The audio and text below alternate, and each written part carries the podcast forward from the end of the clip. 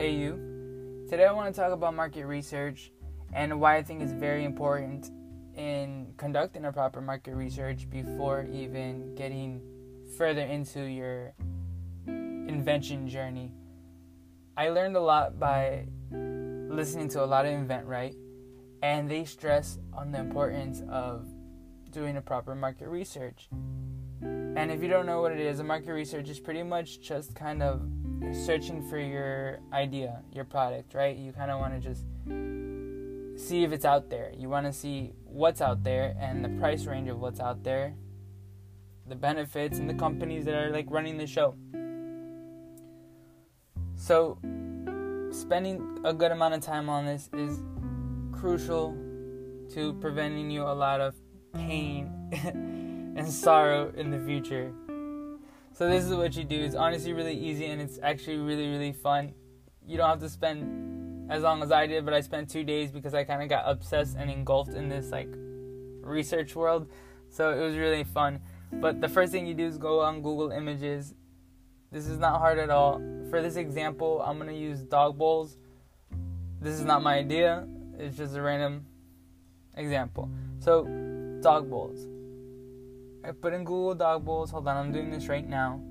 And I'm on images, and you got a whole bunch of cool dog bowls, right? There's stainless steel, ceramic, transparent, metal, wood, plastic.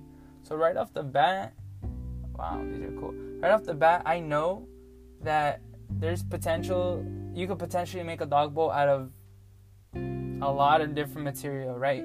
So that's something that's already in your head. It's kind of broadening your like mindset, right? Because you're studying the marketplace, which you should study your the hell out of your micro category, which in this case is dog bowls. I'm not saying you have to look up every dog product, but in this case you have to look up dog bowls because that's what your invention falls under. So now you're having an understanding. Okay, cool. Wow, look at this dog bowl. This dog bowl is like a fun feeder, so it's it make it like difficult for the dog to eat fast, so they can slow down. Okay, so there's a lot of really cool things. So let's say you're scrolling through and you're like, "Yo, Raymond, I don't see my idea anywhere. Like, not, not at all." Cool. Check it out. Get more specific. So let's say you're the concept of your new dog bowl is like it's foldable, right? So it could kind of like fold in and out. It's like easy to carry and shit like that. So let me put in dog bowl, foldable. Okay, now I got a whole bunch of different dog bowls that I didn't see on the previous page, right? On the previous images. And they're all different colors and shapes. Excuse me.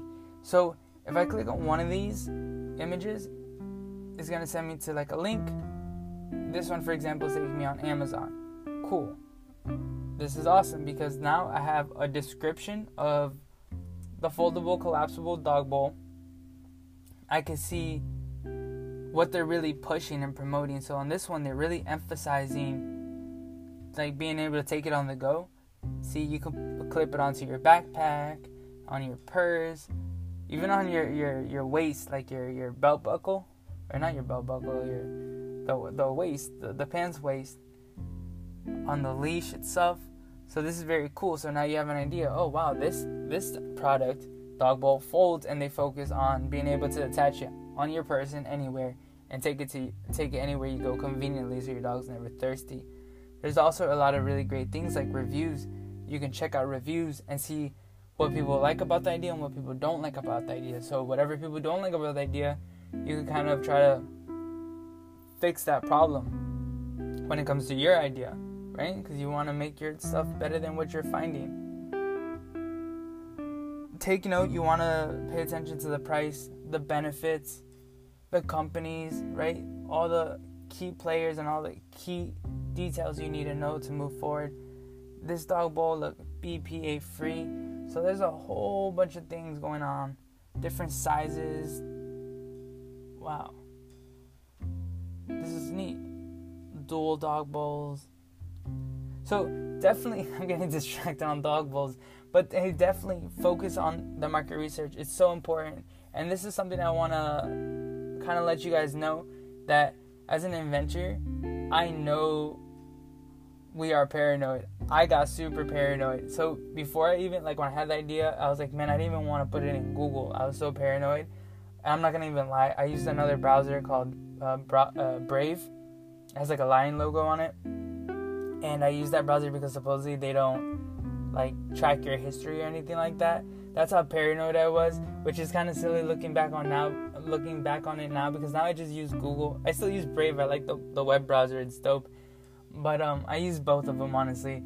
But I did download that web browser. Like I got introduced to that web browser just because I was so paranoid about like a Google employee seeing my like product and the keywords and beating me to the like the punch, right? So don't be paranoid. Don't don't let that fear, that anxiety really like mess with you. Google the exact keywords you need. Be specific in Google search. Like make sure you're doing all you can to make sure that your product's not out there. Now I know a lot of the times we do get this anxiety. I did. Like I was searching, I was like, man, I hope I don't find it. I hope I don't find it. I hope I don't find it. And that's not kind of a good mindset to have because if you're hoping you're not gonna find it, you're not really gonna search for it, right? You're gonna kind of let it kind of slide by. You really want to search for it because this is gonna make the biggest difference in the future, right? Because if you're serious about this, you have to like put in the work. You have to study, study, study. So yes, it's scary doing Google search, especially the first time around. I was paranoid. I'm much cool with it. I'm much cooler with it now. Do the proper homework to make sure that you know exactly what you need to do because when you do pitch this idea to companies, they're gonna they know all about it. So they're gonna know their competitors. They're gonna be like, oh well, this is what about this product or this price range or so you want to make sure you have it and you don't want to be kind of left being like, oh, well, I never heard of them or I never saw that product. So definitely keep that in mind. Do your Google Images search. Another thing, use Google Patents. Type in the in the browser, the Google browser patents, and this way you're going to see patents that have been filed. And you're to do the same thing you kind of did for Google Images. So put put in dog bowls and you're to see a whole bunch of patents for dog bowls which is really cool because you kind of get an inside view on how people are thinking and stuff. And it's also really cool because you get to look at actual patents and kind of see how they're worded and formatted, and you get to see the illustrations. And it kind of helps for in the future when you kind of want to write your PPA, your provisional patent application. It kind of, uh, you know, obviously your PPA doesn't have to be written like a patent, but you definitely want to write it as professional and maybe as close as possible to a patent. At least that's what I did. So, yes, search in dog bowls in Google Patents, then dog bowl foldable, and search for it. Now, keep in mind that if you do see your idea in the Google patent, it doesn't necessarily mean that it's going to be on the marketplace. So it doesn't mean that people or companies actually selling it. Sometimes people patent an idea and it never got into being sold or anything. So that means something went wrong. So if you could kind of find out what didn't work on that idea, you could kind of keep pushing forward. That's if you, you know, found your idea already patented. And I know that sounds bad, but that's just the way it is, right? People are always improving things. So if you see your idea, try to improve it. And you notice you didn't see it on the marketplace, but you saw it as a patent, something went wrong. So try to fix that, right? You're an inventor. That's what you do. You fix the problem, you find a solution for it. So that's what you should do in the beginning, definitely when you're doing market research. Spend the time. Like I said, I spent two days and I felt way more comfortable in the long run. And you don't have to use another Google browser or another browser. I did, but you don't have to do it.